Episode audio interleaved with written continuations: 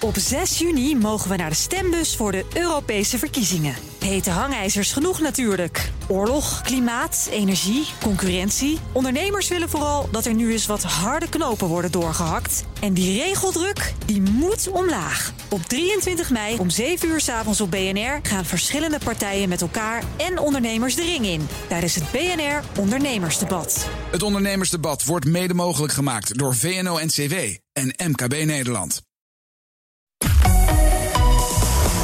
BNR Nieuwsradio. The Big Five. Art Rojakkers.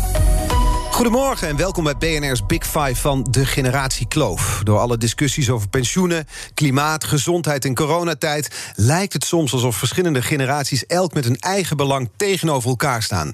Maar is dat zo? Wat kenmerkt die verschillende generaties? Waar botsen ze? Hoe kunnen ze elkaar vinden? Daarover gaat het deze week in de Big Five van de generatie Kloof. Gisteren hoorde je politicus Henk Krol, als vertegenwoordiger van de babyboomers. En vandaag is Rutger Koopmans bij mij. Hij is oud-directeur bij ING en heeft samen met, Diaan, uh, sorry, met Nina Binnendijk onderzoek gedaan naar de generatie X. Uh, geboren tussen, ja, welke jaren zijn het zo'n beetje? Ja, 1960 en 1980. Maar we hebben met name het onderzoek gedaan naar de millennials. millennials. Ja, vanaf 1980 tot zo halverwege de jaren 90. Tot halverwege de jaren 90. Precies. Ja. Welkom. Goedemorgen. Ja. Uh, het bedrijf Pit Self Placement. Dat Ja. is van, van jou. Jullie hebben mensen assessments laten doen, interviews met ze afgenomen. Om inzicht te krijgen in hun achtergrond, in hun drijfveren. En dan kom je ja, opvallende zaken tegen bij verschillende generaties. Dus Ja. uh, waarom juist uh, dat onderzoek naar millennials? Nou, wij komen in ons bedrijf elke keer mensen tegen... die worden ons aangereikt of die, die melden zichzelf aan... omdat ze iets willen met hun carrière. Eh, ze, ze, ze lopen zo tegen de 45, 50 aan... en ze denken, ja, wat, wat wil ik nou de rest van mijn leven doen? Ja, dat is dan de generatie X. Dat is die generatie X. En dan komen ze bij ons en dan praten we over hun intrinsieke motivatie, over hun drijfveren. Want je moet niet vergeten, autonomie is een hele sterk gevoelde psychologische drijfveer bij mensen. Je wil zelf eigenlijk het management voeren over je leven en ook over je carrière. Nou, succes in de corporate wereld. Bij heel veel X'ers is dat niet gebeurd. Want die hebben zich heel keurig aangepast aan de corporate wereld. Hebben daar carrière gemaakt. En komen dan op dat beroemde kruispunt. Sommigen zeggen, nou, ik sta op een rotonde, want ik blijf maar rondjes draaien. Ja. Die komen op dat kruispunt, die komen bij ons. En wij onderzoeken ze dan van, ja, wat is nou echt je intrinsieke motivatie? Wat zit er nou echt in je? Wel- Welke andere talenten heb je? En wat houdt je eigenlijk tegen om die andere talenten niet te gaan gebruiken? Nou, toen kwamen we op een gegeven moment ook in contact met millennials. En ik werd ook attent gemaakt door mensen eh, op, erop ja, maar dat, daar denken misschien millennials anders over.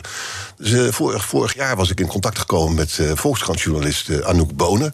En we hebben daar heel veel over gesproken. Dat is ons een heel leuk interview, heeft ze daarover over gemaakt. En daar begon eigenlijk bij ons het balletje een beetje te rollen... dat we dachten, daar, daar moeten we iets mee. En toen kwam de corona.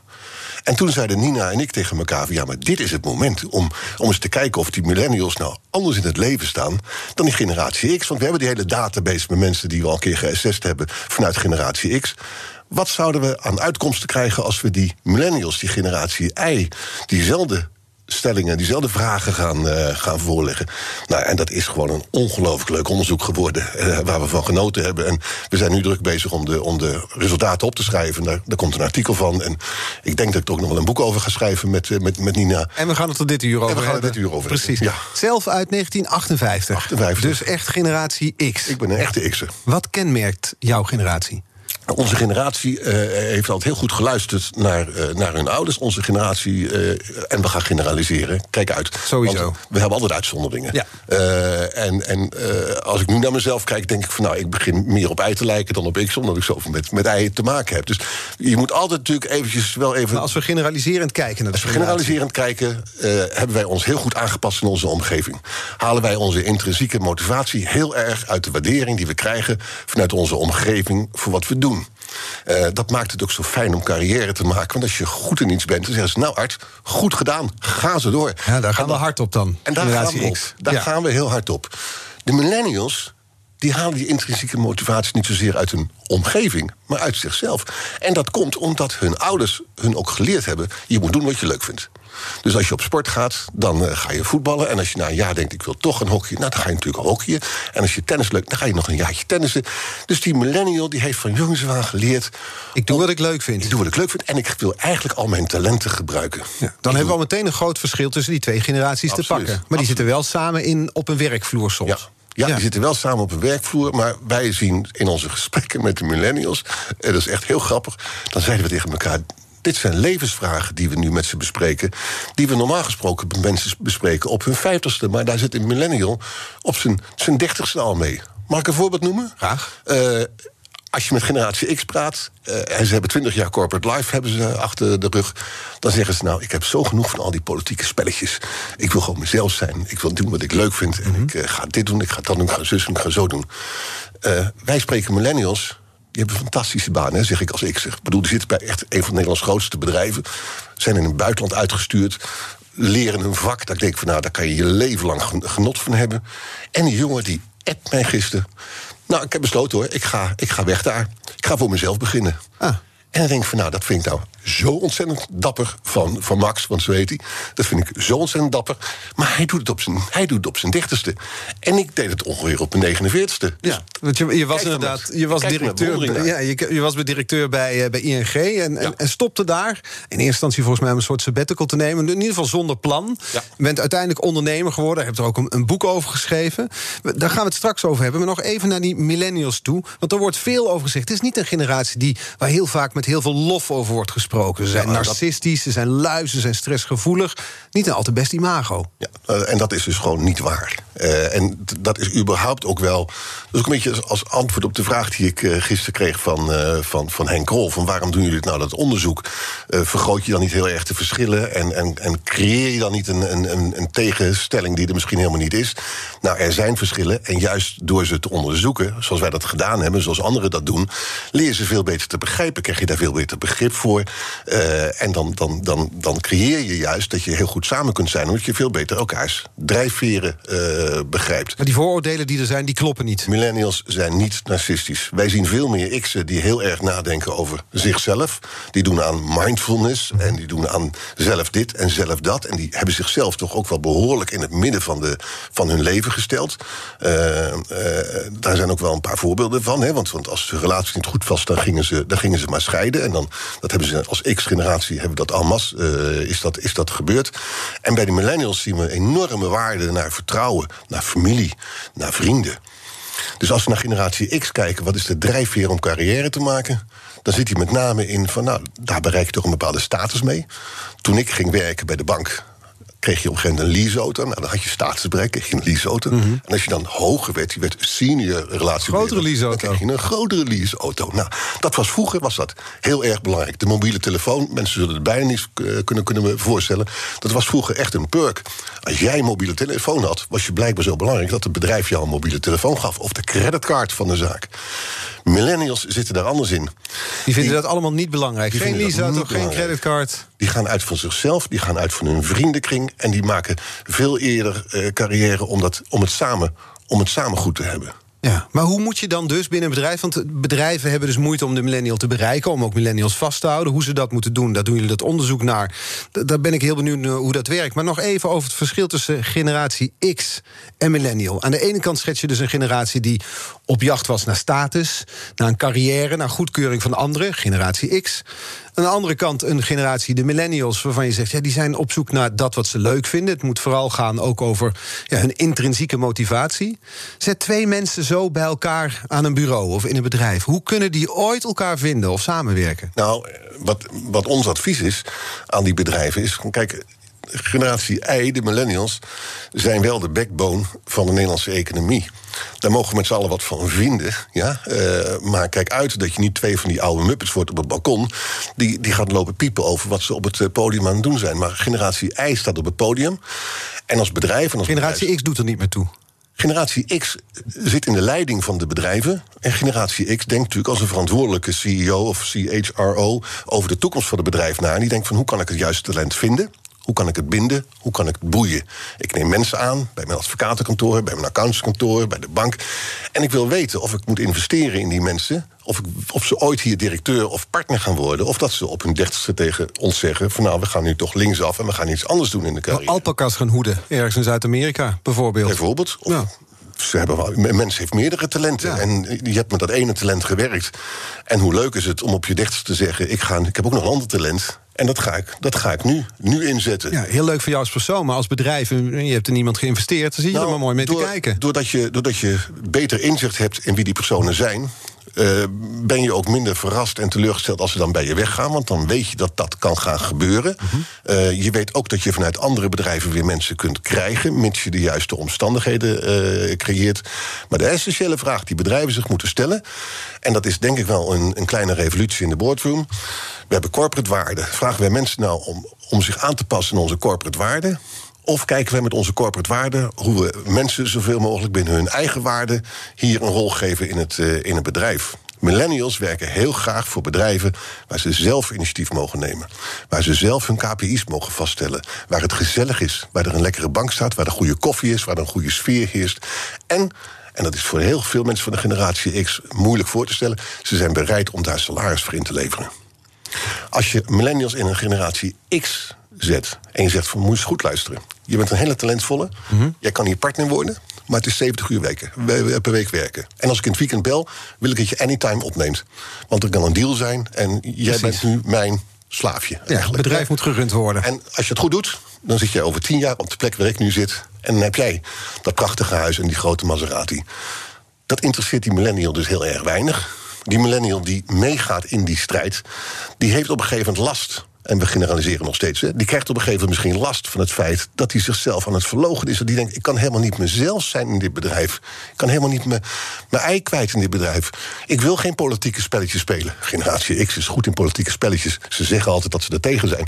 Maar ze hebben het wel heel goed leren spelen. Op die manier ben je, naar, eh, ben je naar boven gekomen. Toen ik wegging bij de bank, had ik ook echt een gevoel van vrijheid.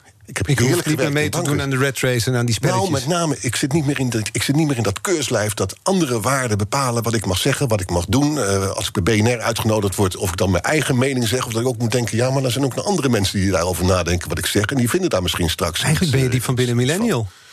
Nou, het gekke is, dat zeg ik wel eens tegen, tegen collega Nina Binnendijk... Wij zeggen eigenlijk tegen heel veel generatie X-mensen die op een vijftigste bij ons komen: ga een beetje leven zoals die millennial. Maak nu een keuze voor de komende jaren en kijk dan over een paar jaar weer verder. Maak geen keuze voor de eeuwigheid. Maar terug naar die bedrijven. Die bedrijven die moeten zeggen bij zichzelf: Nou, weet je, moeten wij ons niet gaan aanpassen aan, uh, aan onze personeelsleden? Mhm. Want als je die millennials in dat keurslijf blijft duwen, volgens ons, maar dat is voor zover we het nu kunnen zien. Werkt dat niet? We moeten nog veel onderzoek doen. Daar komt die hoge burn-out ratio vandaan, die board-out ratio vandaan. Uh, en, die, en dat afvalpercentage uh, vandaan. Omdat ze in het verkeerde keurslijf zitten eigenlijk. Ja, en op een verkeerde manier eigenlijk mensen pushen of proberen mee te krijgen met hun systeem. The Big Five. Art Rojakkers.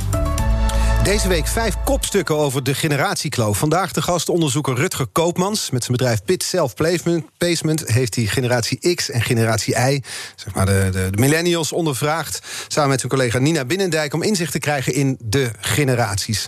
We hadden het er al over dat veel bedrijven worstelen om millennials aan zich te binden. Want je, gaf het voorbeeld: ja, als je 70 uur per week wil werken, hard werkt, altijd de telefoon opneemt als ik je bel, dan ben jij over tien jaar hier misschien wel partner. En dan zegt de millennial: Nou, weet je wat, ik zoek het een deurtje verder. Um, dat is te begrijpen vanuit het oogpunt van de millennial, zoals je het beschreef. Iemand die het belangrijk vindt om te doen wat hij leuk vindt. Maar het lijkt me als bedrijf frustrerend, ook of ook moeilijk. Je hebt geïnvesteerd in iemand, iemand opgeleid, trainingen gegeven. En tegen de tijd dat je denkt, nou, nu is hij misschien wel klaar voor de volgende stap, gaan ze weer weg. Ja, en daar voelen millennials zich ook wel schuldig over. Uh, het zou nog bij moeten komen dat ze zich niet schuldig voelen. We terug in, uh, in, in de interviews. Maar ik, ik heb zelf aan de andere kant gezeten. Uh, dus heel veel millennials die ik gesproken heb... dan denk ik dan automatisch naar... zou ik jou aannemen? En waar zou ik jou voor aannemen? En, en, en welk perspectief kunnen wij jou dan, kunnen wij jou dan bieden? Uh, en dan is het toch zaak dat de bedrijven zich aanpassen aan de waarden van vandaag de dag. En misschien nog eens een keer hun, hun cultuur en wat ze verwachten van mensen en hoe ze zichzelf organiseren tegen een licht moeten houden. Want er zijn bedrijven zo'n beetje opgericht rondom de eeuwwisseling. Hè, bedrijven die opgericht zijn rond 2000. Waar millennials zich, uh, zich heel happy uh, voelen. Maar een millennial... Wat voor bedrijven hebben we het over dan? Van uh, internetbedrijven bijvoorbeeld? Nou, Bol.com is een, is een hele, hele goede werkgever.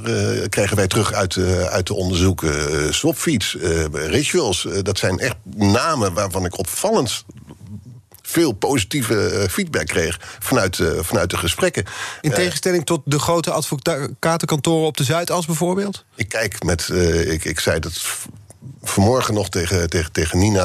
Ik zei, Nina, het, het gaat echt heel erg uitdagend worden voor die grote Zuidasbedrijven om hun kantoren weer gevuld te krijgen. Punt 1 vanwege de corona. Punt 2, omdat heel veel mensen natuurlijk toch hebben zitten reflecteren thuis in de afgelopen zes maanden. In een heel ander leven zijn gekomen. En misschien nog wel eens gaan nadenken: ja, op welke manier wil ik eigenlijk weer terugkomen. Uh, als het bedrijf weer ooit naar een vorm van normaal gaat. En wil ik dan wel terugkomen? Wil ik dan wel terugkomen? Want waarom zouden ze dat niet willen? Omdat ze zo ongelooflijk goed uh, verbonden zijn met hun, eigen, met hun eigen waarden. En omdat ze daar weer extra over hebben kunnen na nadenken in de, in de afgelopen periode. En dat ze een nieuwe balans hebben kunnen vinden. Een nieuw, nieuw, ja, nieuwe dosering hebben kunnen vinden. Want balans lijkt altijd op alsof het 50-50 moet zijn. Uh, maar het is meer de dosering. Hoeveel van wat. Tussen werken, vrienden en, uh, en, en, en, je, eigen, en je eigen leven. Uh, en het zou wel eens kunnen zijn dat ze daarmee ook andere beslissingen nemen. Dus we zijn op weg naar leegstand aan de Zuidas? Nou, ik denk dat het voor de bedrijven in de Zuidas echt een, een, dringende vraag wordt om na te denken: hoe gaan wij millennials blijven binden en blijven boeien? Uit ons hele onderzoek komt naar voren dat er maar een paar millennials echt in het profiel zitten. wat past in dat partnerprofiel waar we het net over mm -hmm. hadden. De grote meerderheid zit in een heel ander profiel. Dus dat wil zeggen dat, dat die bedrijven toch ergens hun, hun, hun act moeten aanpassen. Uh, hun, hun samenwerking intern moeten aanpassen. Ik bedoel, de bedrijven gaan niet failliet. Alleen ze moeten zorgen dat ze op een andere manier zichzelf gaan organiseren. En andere dingen aan mensen gaan vragen. Uh, en hoe doe je dat? Doe je, moet je bedrijfsstructuur op de schop? Moet het minder hiërarchisch? Hoe, hoe, hoe kun je millennials meer aan je binden als bedrijf? Je bent een millennial door hem of haar heel veel zelfinitiatief te geven. En niet vanuit een hiërarchisch perspectief, maar gewoon vanuit een cultuurperspectief. Ik wil dat jij je verantwoordelijkheid neemt. Uh, ik geef jou uh, zelfstandige beslissingsbevoegdheden om je werk in, uh, in te delen. Ik maak het heel gezellig voor je. er is gewoon hele goede koffie. Er staan leuke banken. Er staat ergens een tafeltennistafel. En we gaan hier op een gezellige manier met elkaar om.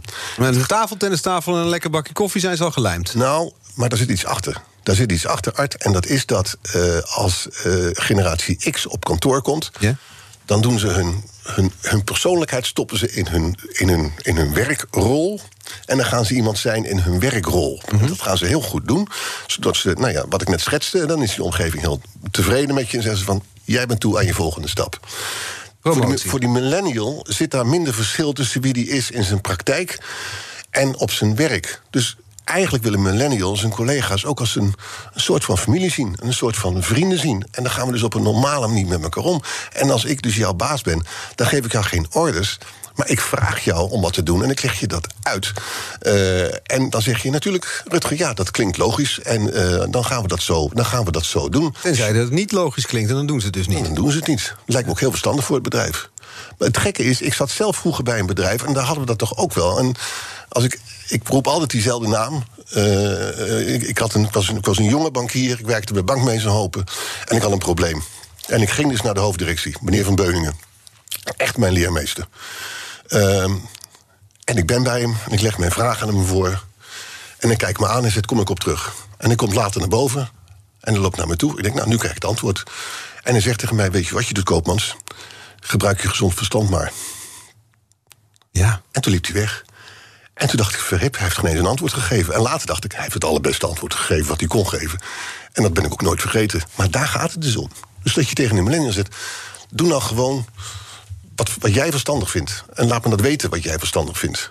Uh, en dan kan je nog steeds een superb uh, advocatenkantoor zijn... of de beste accountantsmaatschap uh, zijn, et cetera. Maar de, het is een, er is een andere manier van omgang. Ja, maar misschien ben ik dan typisch uh, generatie uh, X, uh, halverwege de jaren 70 geboren. ik denk dan, ja, als je vooral wil dat je werk leuk is, of leuk moet zijn, ja, in elk werk zitten ook dingen die minder leuk zijn, toch? Ja. Ik bedoel, ja, dat hoort er dan toch ook gewoon bij? Misschien. En de millennial denkt, als het te veel daarvan is, dan doe ik het niet meer. En dan ga ik iets, dan ga ik iets anders doen. En daar zal de generatie X ook aan moeten wennen. Toen ik voor het eerst wegging, toen ik van Bankmensen Open naar ING ging... voelde dat toch een beetje als het bedriegen van mijn familie... waar ik groot geworden was. Ja, uh, millennials zeggen van, nou, ik heb het ontzettend naar mijn zin gehad hier. Dankjewel, tot ziens. Ik ga weer wat anders doen. En uh, dat, dat, op die manier moeten we met elkaar leren omgaan. En we moeten natuurlijk kijken of we de, of we de drijfveren van millennials zodanig kunnen raken en kunnen, en kunnen meenemen in de manier waarop we ons als bedrijf organiseren, dat ze bij ons willen blijven. Uh, en dat de millennial zal zeggen: Ja, ik wil wel partner worden hier, maar dan wil ik wel een beetje mijn eigen leven kunnen leiden. Ja, en niet, Niet die 70 uur. nou, niet die ingevulde patronen. Het, het gaat ook om het, het, het aanleren van nieuwe gedragspatronen. Als wij mensen in onze praktijk hebben, eh, die begeleiden wij, dan is een van de dingen die we ze leren loslaten. Wat je de afgelopen twintig jaar gedaan hebt, probeer het dus los te laten. En ga dan weer eens bij jezelf kijken wie je nou zelf bent en wat je, wat je nou echt drijft. En wat je nou tegenhoudt om te gaan doen wat je drijft. Hè. Die autonomie, die, die, die halen we gewoon weer naar boven. Dat noemen we dan intrinsieke motivatie. En dan, dan bouwen mensen zichzelf weer op. En dan lopen ze met een big smile lopen ze naar buiten.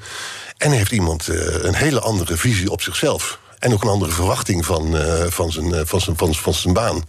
En dan maakt hij gewoon een keuze voor één jaar of voor twee jaar. In plaats van dat altijd maar op die hele lange termijn... hele definitieve Planningen maken. planningen maken. Maar toch, als je het andersom redeneert, zou je kunnen bedenken... kijk, als we straks... en nu zit generatie X nog aan het roer, zal ik maar zeggen... die zitten in de, in de hogere functies, de, de hogere managementlaag... maar het gaan op een gegeven moment met pensioen... en dan moeten we de bedrijven overlaten aan die millennials... Ja. die alleen maar dingen willen doen die ze leuk vinden... die vertrekken op het moment dat het hen goed uitkomt... dan stort toch een hele bedrijfsstructuur in elkaar... want wie pakt nog de verantwoordelijkheid? Nou, weet je, dat, dat, dat is nou... Of is dit nu heel ouderwets gedacht? Dat Ben ik heel- nu echt generatie X? Ja, nu ben je nog, nog- Ik val door de mand hier. Nu, nu val je echt door de mand Ja. uit. Nu, nu ben je nog ouder dan ik bijna. Nee hoor, een grapje. Maar die, die generatie I, die gaat, het, die gaat het heel erg redden. Want die is zo met zichzelf in, in contact. En die, kun, die kan zulke goede contacten maken met elkaar. En die zijn zo gehecht aan goede contacten met elkaar. En niet politieke spelletjes, maar echte communicatie met elkaar. Dat lossen ze wel op. Ik weet niet ook niet hoe ze dat gaan oplossen. Dat weet ik niet. Maar om daar nu twijfel over te hebben... of om daar te denken dat ze dat niet kunnen oplossen... dat vind ik van heel veel der getuigen. En Wat doen ze niet goed eigenlijk? Die generatie I. Waar blinken ze niet in uit? Nou, waar ze, eh, ze niet in uitblinken, maar dan praat ik toch weer als. Hè? Ik eh, ehm, eh, ik zou de ei-generatie soms willen zeggen van... probeer het nog even iets langer. Probeer even iets over je gevoel heen te stappen en te denken van... denk ik hier over drie maanden nu nog zo over na? Ja, dus als iemand tegen mij zegt ik wil weg... dan zeg ik nog wel eens tegen hem of haar... nou, kom nou eens over drie maanden terug... en kijk dan of je nog, nog, hetzelfde, nog hetzelfde denkt. Eh, Hij kan ook... Oh ja, dat is grappig. Maar ei, ei, is, ei is meer jaloers op een andere ei. Een millennial is meer jaloers op een andere millennial... dan een eh, generatie X durft toe te geven dat hij, eh, dat hij is. Generatie Die X, niet. Nou, generatie X speelt dat carrièrespel... Ja. En die zegt, nee hoor, ik ben helemaal niet eh jaloers op... Arthur. carrière bezig. Ik, ik, ben ook, ik heb ook een hele leuke baan. En Art heeft een leuke baan. En ik heb ook een hele leuke baan. Ja. Terwijl hij misschien bij zichzelf denkt... Art heeft wel een hele leuke baan. Ja. Die heeft elke dag andere mensen in zijn studio. En kan hij allerlei dingen mee doen. Ei, die kijkt heel erg naar, naar, naar jou nu als, als een mede-millennial. En denkt, dat is een leuke baan. Ja. Die zou ik misschien ook wel moeten hebben. Maar ze spelen geen politiek spelletje, dus geen ellebogen. Nee, maar ze zeggen dus tegen elkaar. En dat doen ze via Instagram. En dat doen ze via allerlei andere eh, social media. En daar leggen ze zichzelf wel een hoge druk mee op. Eh, want je moet altijd natuurlijk op je best erop staan. Eh, je moet je fotomoment kiezen, je moet het licht kiezen. En dan maak je deze fantastische foto van die geweldige vakantie... met die ontzettend leuke vrienden. En dat leuke stukje en dat dit en dit. En, dat. en daar, daar maakt de millennial zichzelf het wel lastig. Ja, het, het, het vergelijken van elkaar en de andere, wat je zegt, is het misschien toch soms iets langer volhouden. Dat is dan iets wat ze van generatie X Ja. eh, zouden kunnen overnemen. Ja, nou ja, weet je, kijk, en ik moet ook wel weer om lachen, want ik heb, ik heb drie studerende kinderen en die kunnen zich, nou, twee daarvan kunnen zich nog werkelijk eh, dagelijks bezighouden met eh, de vraag welke masters zullen we gaan doen. Ja, ik heb ooit een keer een studie gekozen en die heb ging ik afgemaakt. En toen heb ik nog een keer een studie gedaan, Ja. die heb ik ook afgemaakt. En zij, zij zijn maar bezig overal aan te proeven en aan te ruiken. En, en ik vind het aan de andere kant, ik vind het ook weer zo ongelooflijk hoopgevend. Want ze blijven dus wel denken. Ze blijven wel bewegelijk in hun hoofd. En dat maakt dat ze altijd de problemen gaan oplossen die wij nu op hun zien afkomen. Ja. Dus wat dat betreft is er een, een zonnige toekomst. Eh, we hebben het over de generatiekloof vandaag in eh, BNR's Big Five... samen met onderzoeker Rutger Koopmans. En ja, in maatschappelijke discussies kunnen generaties tegenover elkaar te komen te staan. Maar dat gebeurt soms dus ook op de werkvloer. We hebben het er al over gehad. Nou, hoe los je erop? Hoe, hoe los je dat op? Hoe moet je daarmee omgaan? Daar gaan we nog meer over hebben in het tweede half uur van BNR's Big Five. BNR Nieuwsradio. The Big Five. Art Rojakkers. Welkom bij het tweede halfuur van BNR's Big Five. Deze week vijf kopstukken over de generatiekloof. Vandaag de gast Rutger Koopmans, oud-bankier. Doet nu onderzoek naar generatie X. Zijn eigen generatie, zeg maar. En de millennials. Um, ja, je had zelf ooit een, een goede baan als ING-directeur. Die, die zei je op, je stopte ermee om voor, je, ja, om voor jezelf te beginnen. Nou, eigenlijk in eerste instantie gewoon, je stopte er gewoon mee, punt. Ja. Dat is niet echt des generatie X, of wel? Nee, zeker niet. En toch was het echt een, een, een heel, sterk, uh, heel sterk gevoel wat ik had over, over meerdere jaren. Want dat heeft gesluimerd een aantal jaren later, uh, jaren lang. Maar ik wilde gewoon weg. Ik wilde andere kanten van mezelf uh, ontdekken. en Hoe ik oud was je toen? Ik was toen 48. En dit hele denkproces begon op 44, 45. Uh, en dan zet je natuurlijk eerst af tegen de omgeving. En dan denk je, nou, er gebeuren in de omgeving, in de markt, uh, bij bedrijven, uh, gebeuren dingen waar ik het niet mee eens ben. Ja, want dit was en, na de bankencrisis. Dit was voor de bankencrisis. Begon het denkproces al? Ja, ja, ja. ja. En, en, en, ergens in 2004, 2005 begon dat denkproces. En in 2007 heb ik de knoop doorgehakt. En toen ben ik in 2008 ben ik, ben ik weggegaan. Want ik kwam erachter, nee Rutger, het ligt niet aan de buitenwereld. Het ligt aan jou. Jij zit gewoon niet meer in, je, in het goede vel. Je zit niet meer in het goede keurslijf. Nou, dan moet je geen ruzie maken. Uh, moet je gewoon weggaan. En dus ik heb, ik heb een ontzettend leuk afscheid gehad. En ik kijk op, op die reden, en dat zeg ik ook al tegen mensen die weg willen. Ga goed weg. Uh, besef dat jij degene bent die de regie over je leven hebt. Jij hebt nu besloten dat je het hier niet meer leuk vindt. Uh, neem dat je collega's en het bedrijf waar je werkt nou niet kwalijk. Neem ze ook niet kwalijk dat ze misschien gekozen hebben voor een jonger iemand op jouw stoel. Want dat is ook logisch vanuit dat, vanuit dat bedrijf. Maar hou het bij jezelf en maak je volgende keuze. En dat is wat ik toen gedaan heb. Ja. En dat betekende uh, stappen uit het, ja, zeg maar het veilige keurslijf. Uit alles. Kiezen voor onzekerheid. Ja. Je vergeleek je wel eens met, uh, las ik, met een leeuw uh, in Artis. Elke dag keurig gevoed. En nu moest je opeens de wildernis in. Exact. En ik had, ik had drie kinderen op dat moment van, van 12, 10 en 9. Ik heb nog steeds drie kinderen, maar die zijn nu wat ouder, wat ouder geworden. dus mensen in mijn omgeving, of in onze omgeving, maakten zich ook ernstige zorgen destijds.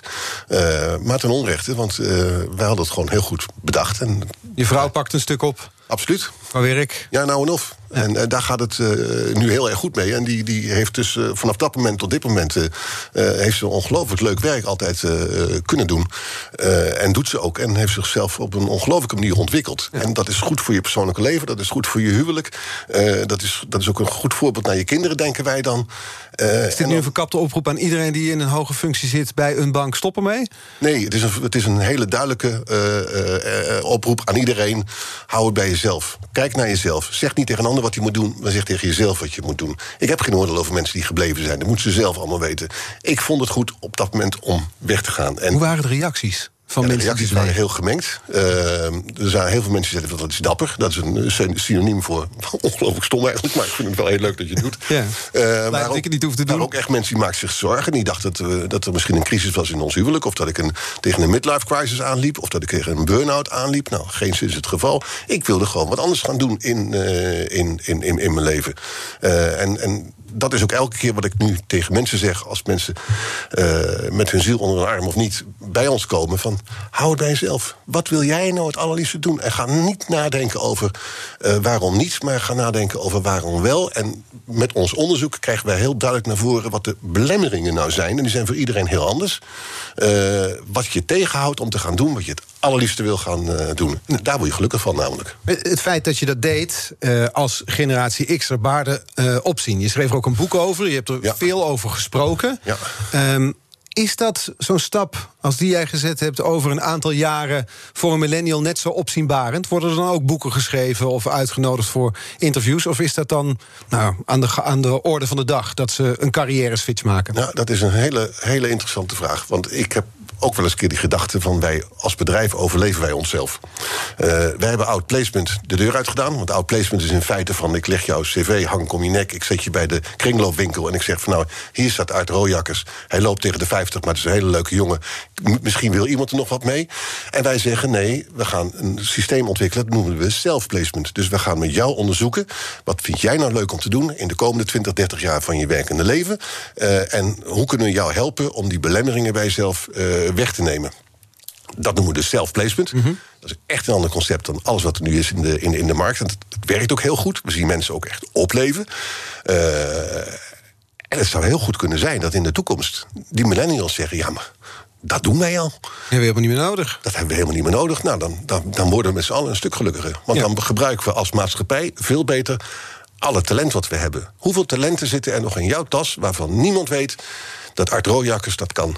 Ja, en er zitten echt nog talenten ergens bij jou die je nog niet ontwikkeld hebt. Nee. Het is heel vervelend om straks op je 85ste of 90ste, als je omkijkt naar je leven, te denken: Goh, dan ben ik altijd gegaan voor het succes wat ik had, omdat de omgeving mij daarin zo goed vond. Als ik nou heel eerlijk naar mezelf was geweest, dan had ik misschien ook dit moeten doen, of dat moeten doen, of zus moeten doen. Ja. Dus ik wil, ik, ik wil ook, ik wil ook helemaal niet met pensioen. Ik, ik, ik begrijp het eigenlijk niet.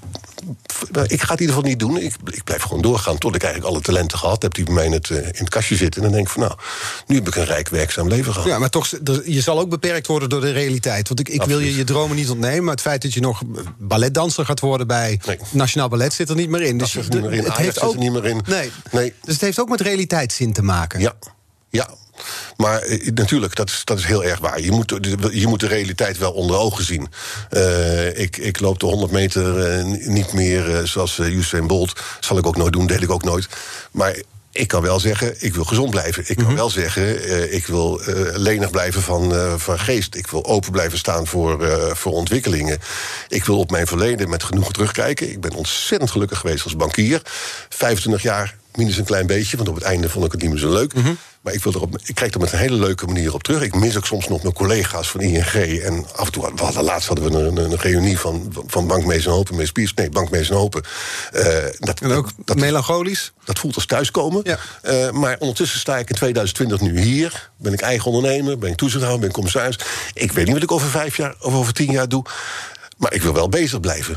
Eh, binnen de fysieke mogelijkheden die ik heb. Eh, maar wel ook met name zorgen dat ik geestelijk zo, zo, zo, me zo breed mogelijk blijf, eh, blijf ontwikkelen. En ik heb heel erg veel geleerd de afgelopen maanden van die generatie jij. En dat is, ook, dat is ook echt mijn punt van als je daar onderzoek naar doet en je leert elkaar beter begrijpen. Want daar, word je zo positief van. Daar Wat is de zoveel belangrijkste les die je van millennials hebt geleerd de afgelopen maanden? Dat ze een enorme veerkracht hebben. En waar dat ze- wij ook iets aan hebben. Absoluut. Ze zit, en ze zitten goed in elkaar. Ze hebben goede waarden. Ze staan echt voor een goede wereld en ze willen echt ze willen zingeving.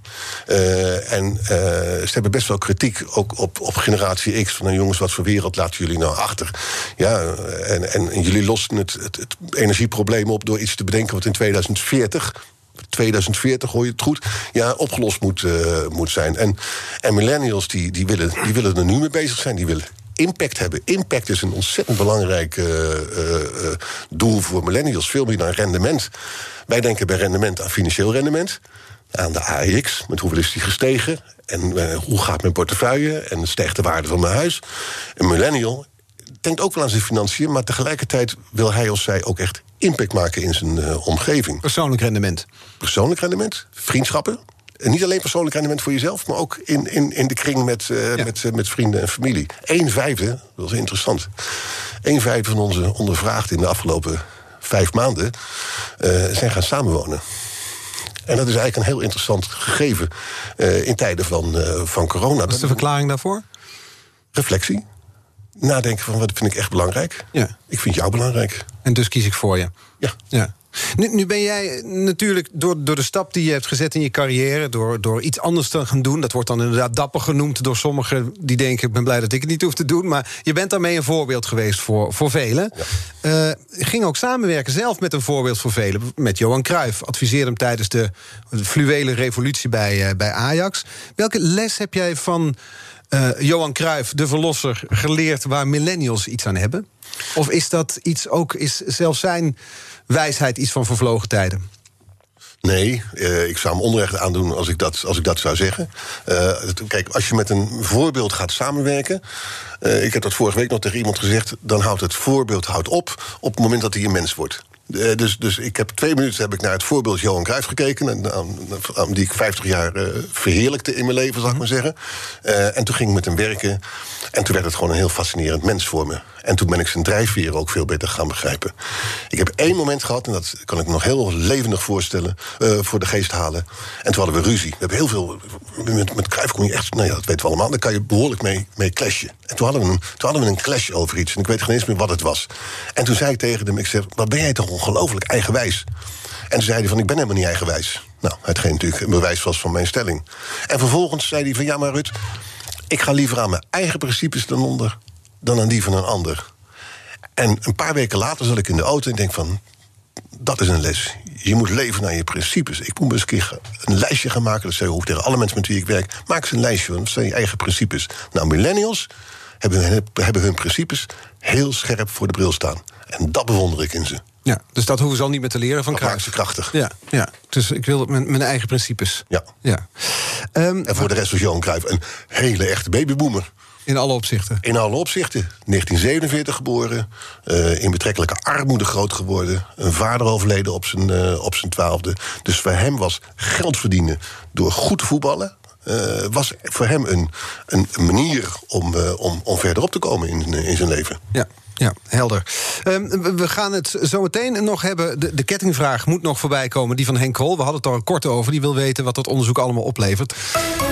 BNR Nieuwsradio. The Big Five. Art Rojakkers.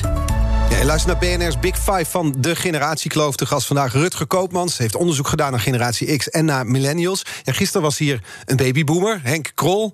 eh, van de Partij voor de Toekomst tegenwoordig. Niet meer van 50 plus. En eh, hij had een, een vraag voor jou, de kettingvraag. eh, en dat was deze. Rutger, jij doet fantastisch onderzoek en jij schrijft daar fantastische dingen over. Maar ben je niet bang dat door alles wat jij publiceert. de tegenstellingen tussen jong en oud alleen maar groter worden?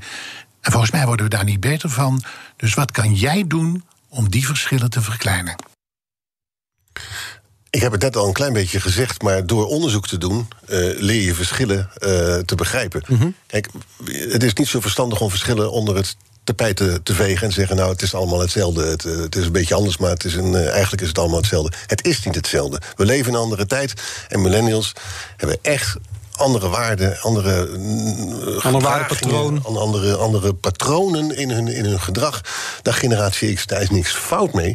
Maar als je elkaar begrijpt en je begrijpt mekaars drijfveren, dan weet je ook hoe je elkaar het gelukkigst kan maken en hoe je het best met elkaar kan samenwerken. Precies de vraag die je net, net stelde over van hoe ga je met elkaar om op de werkvloer.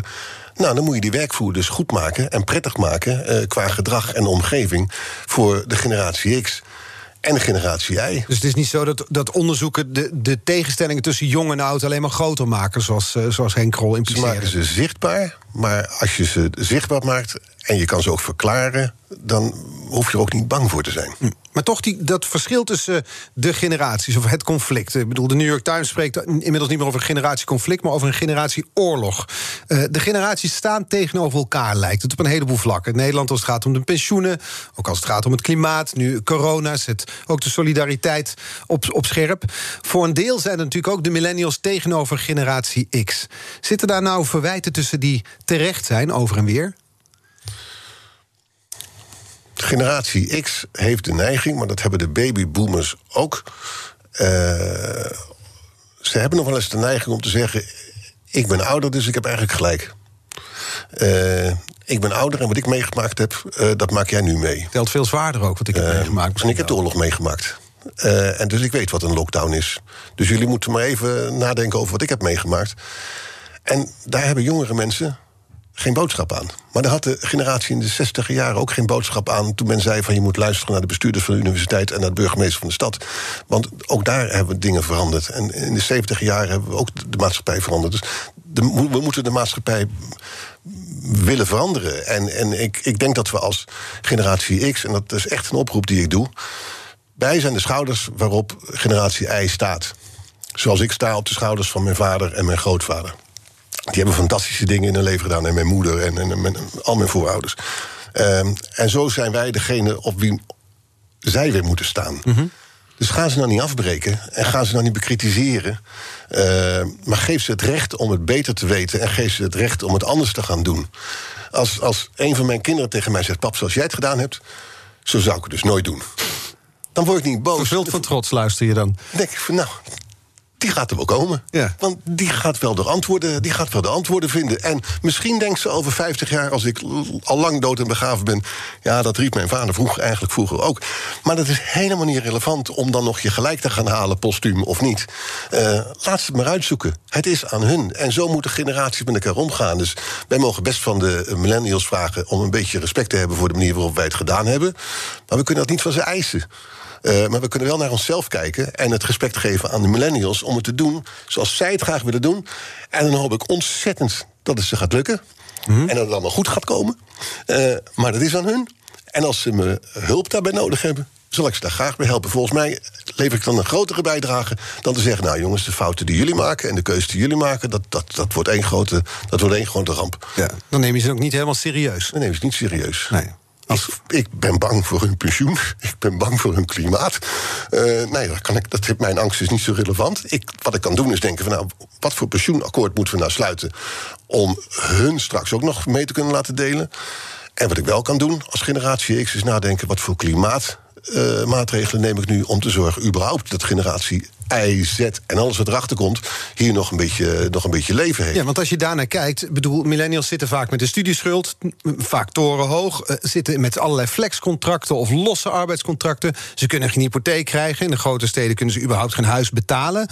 Het is wat dat betreft voor een generatie die het leuk wil hebben, toch ook wel een lastige toekomst, lijkt me. Het is, het is, ook, heel, het is ook heel erg lastig. Maar die, die, die studiefinanciering en, en, en al die marktwerking, die hebben zij niet verzonnen hoor. Die heeft de generatie X verzonnen. Generatie X, die zelf in de verzorgingsstaat groot geworden is... en een studiebeurs gehad heeft en redelijk makkelijk... ze zullen zeggen van niet, maar het is onvergelijkbaar... veel makkelijker dan nu de huizenmarkt opgekomen is en et cetera. En die generatie X heeft hard gewerkt neem ik allemaal niks van weg. Hè? Dus ik wil geen X'er straks aan de telefoon nemen en zeggen van nou, je, je, je, je doet ons tekort, want we hebben ook heel hard voor moeten werken. Ja, we hebben ook heel hard voor gewerkt als generatie X. Maar we hebben er wel een systeem omheen gebouwd van marktwerking. En bij marktwerking is het nou keer zo, en hier spreekt toch de sociaaldemocraat in mij. Mm -hmm. uh, bij marktwerking zijn de haves goed af en de have-nots zijn minder goed af. En daar zeggen wij tegen als haves: doe je best, misschien word jij op een goede dag ook wel een have. En de millennials horen vaker bij de groep van de have-nots? Nou, de millennials komen in een hele lastige positie. Ik heb het boek De Fantoomeconomie uh, gelezen. En -hmm. Dat las ik ook wel af en toe met gekromde tenen. Denk, nou, nu gaan jullie wel heel kort door de bocht. Maar het is natuurlijk wel waar dat de welvaartsverdeling sinds 1982 ongelooflijk scheef vertrokken is. En, en ja, ik, ik roep al vanaf mijn afstuderen, en ik ben gepromoveerd, of gepromoveerd, ik ben afgestudeerd op de toekomstkansen van de verzorgingsstaat. We moeten niet van die verzorgingsstaat af, we moeten een nieuwe verzorgingsstaat creëren. En ik vind het ook heel grappig en heel goed en heel fijn, daar ben ik heel trots op in Nederland, dat als er een coronacrisis optreedt, dan trekt de minister van Financiën trekt een la open. En dan komen, ik heb nog nooit zoveel miljarden de maatschappij ingepompt zien. En denk van, zie je wel, we zijn toch een solidaire maatschappij met elkaar. Ja, we gaan toch zorgen dat, uh, dat we met elkaar uh, hier over, uh, overeind houden. Ja, de vraag is natuurlijk hoe lang dat stand houdt. Want jongeren moeten nu solidair zijn met ouderen vanwege corona, moeten binnen blijven. Dat geldt dus ook voor millennials in zekere zin. Geen feesten, noem maar op. Alles om de gezondheid te beschermen. Dat zet zo'n generatieconflict toch op scherp? Ja, en ik vind dat ook een onjuiste omroep. oproep. Ik zou ook helemaal niet tegen de millennials willen zeggen. Ik vind het echt, ik heb er moeite mee persoonlijk als ik zie uh, hoe die millennials nu gedwongen worden tot een bepaald gedrag uh, tijdens deze lockdown-periode. Dat zijn allemaal generatie X'ers die dat van, ze, van ze vragen. Ehm, en ik vind, het, ik vind het af en toe moreel best wel kwestieus of je, of je wel zoveel van ze mag. Uh, zoveel mag is het er niet. Ze moeten binnen blijven en ze moeten een beetje afstand houden van elkaar. Ja, dat kan je bagatelliseren. Maar als je het aan hun vraagt, dan voelen ze dat soms. Uh, dan, voelen ze, dan, dan, voelt dat best wel als een, als een, als een gemis. Het voelt dat best wel als, als armetierig. Mij overkomt het tussen mijn uh, 61 en mijn 62. Maar als je overkomt tussen je 18 en je 19, of dus, dus, in, in, op die leeftijd, dan heeft het echt een grotere, een grotere impact. Uh, en er wordt wel erg makkelijk van hun een offer gevraagd. Uh, en dat had je ook op een andere manier in ieder geval kunnen communiceren. En, en, Hoe had het gemoeten dan? Nou, ik ben altijd erg voor solidariteit. Mm -hmm. uh, maar ik had me ook kunnen voorstellen van... Dan, doe wat je wil doen, maar blijf verstandig. Uh, en, en let goed op elkaar. Nou, dat, dat is allemaal gezegd. En heb, ga heel veel met je opa en oma bellen en met je vader en moeder bellen. Maar misschien beter om ze wat minder te zien de komende tijd. Want dat is voor hun is dat niet, uh, is dat niet goed. Dat een beetje langs die lijn gekund. Maar, en in plaats van foei met het vingertje. Ja, en ik vind toch ook in de hele communicatie... niet zozeer vanuit het kabinet, als wel ook als ik de hele discussie eromheen zie... ook als ik die programma's zie s'avonds... ik denk van nou, nou, nou, nou, nou... we zijn nu wel een generatie aan het vertellen wat ze moeten doen. En dat is nog nooit goed binnengekomen. Bij welke generatie dan ook. Want zo zitten mensen niet in elkaar dat anderen vertellen wat ze, ze moeten niet, doen. Nee, dat willen ze niet horen. Ze willen zijn eigen verantwoordelijkheid geven. Ja. Die kettingvraag die je kreeg van Henk Krol, die gaat ook weer naar morgen toe. Dan is hier uh, René Boender te gast. Uh, schrijver over generatie Z. Ja. Dat is de generatie die weer na de millennials komt. De tieners van nu. Uh, wat zou je willen vragen? Nou, ik, ik ken René al een tijdje. Uh, en we hebben ook een onwaarschijnlijk hoog aantal uh, contacten op LinkedIn uh, gezamenlijk. Ehm, en ik vind het heel grappig dat hij nu hiermee bezig is. Dus ik ga morgen zeker luisteren, René. ik, ik, ik ben aan de, aan de radio gekluisterd. Ehm, wij zijn jaargenoten, allebei van 1958. En ik ben heel erg benieuwd, René... Uh, waardoor raak jij nou geïnspireerd? Hoe komt het nou dat jij met zoveel energie en met zo'n brede lach doet wat je aan het doen bent uh, en nog zo ongelooflijk uh, actief bent? Niet alleen in het arbeidsproces, maar ook in het, in het hele denkproces. Dus ik ben stiekem heel erg even benieuwd naar jouw geheime wapen, wat jou inspireert en zoveel energie geeft. Het is een persoonlijke motivatie. Absoluut. En ik, zou, ik wil je graag weer eens een keertje zien, want dat is al jaren geleden. Dat, is dat, dat, dat we nu een date moeten opzetten via een radioprogramma, ja, goed is dat, is lastig, hè? Ja, mooi is dat. Ja. Dat is een ketting, hè? Ja, dat wel. Ja. Dat is verbinding. Ja. Maar die generatie Z, waar we het morgen over gaan hebben, de tieners van nu, die kijken ook weer kritisch naar millennials. Die groep die wij nu een uur lang hebben besproken. En eigenlijk vrij positief, als ik jouw woorden uh, een beetje op waarde weet te schatten. Maar die generatie Z kijkt ernaar en denkt: ja, waarom hebben ze bijvoorbeeld niet gevochten voor een idealen? Ze zijn alleen maar met zichzelf bezig. Wij gaan tenminste de straat op om uh, klimaatstakingen te organiseren. Hoe, snap je dat? Dat snap ik heel goed. Uh, wij hebben generatie Z niet onderzocht. Dus ik kan er alleen maar een, een ver weg mening over geven... en een persoonlijke mening over geven. Van millennials weet ik nu, omdat ik, omdat ik data heb... Hè, Nina Binnendijk en ik hebben gewoon die data verzameld. En we hebben ze gesproken, dus we hebben kwalitatief en kwantitatief... een beeld gekregen. Van Z zie ik het van afstandjes. Zie ik Greta Thunberg en denk van, oh wat interessant. Uh, wat zit er allemaal? Uh, dus ik ga punt 1 morgen met heel erg veel plezier luisteren naar, uh, naar, naar René. En ik, ik, hoop dat ik nog eens de kans krijg samen met Nina... om ook die generatie 6 te, te Het is het lot van elke generatie in zekere zin. Want we hebben nu een uur gehad over hoe millennials naar generatie X kijken... en wat generatie ja. X daarin niet goed doet... of misschien ja. wel verkeerd heeft gedaan. En eigenlijk gaan we morgen misschien horen... wat de generatie na de millennials, hoe zij weer naar hen kijken. Wat maar millennials dus niet goed niet. Het is ook de circle of life. Het is de circle of life, maar vergeet één ding niet. Er is meer dat ons verbindt dan dat ons scheidt. Dus we hebben nu heel erg over de verschillen gesproken. Ja, maar er zitten ook grote verbindingen tussen X en hij. En ook grote verbindingen tussen uh, uh, de babyboomers uh, en Z en, en de babyboomers en, en, en hij. Dus het is leuk om over de verschillen te hebben. Het is ook belangrijk om het over, over de verschillen te hebben. Hè. Zeker vanuit bedrijfsmatig oogpunt, wat we net bespraken. Mm -hmm. Maar als maatschappij is het echt heel belangrijk om te constateren dat er echt veel meer is wat ons bindt dan wat ons scheidt. Dat is een mooie afsluiting. Ik wil je danken voor je komst vandaag, uh, Rutger Koopmans. En voor de interessante woorden over de millennials en over generatie X. Uh, deze aflevering is net als alle afleveringen van BNR's Big Five natuurlijk terug te luisteren. De podcast is te vinden in de BNR-app en op bnr.nl. Nu hier Thomas van Groningen met Ask Me Anything. Tot morgen. Op 6 juni mogen we naar de stembus voor de Europese verkiezingen. Hete hangijzers genoeg natuurlijk. Oorlog, klimaat, energie, concurrentie. Ondernemers willen vooral dat er nu eens wat harde knopen worden doorgehakt. En die regeldruk, die moet omlaag. Op 23 mei om 7 uur s avonds op BNR gaan verschillende partijen met elkaar en ondernemers de ring in. Tijdens het BNR Ondernemersdebat. Het Ondernemersdebat wordt mede mogelijk gemaakt door VNO-NCW en MKB Nederland.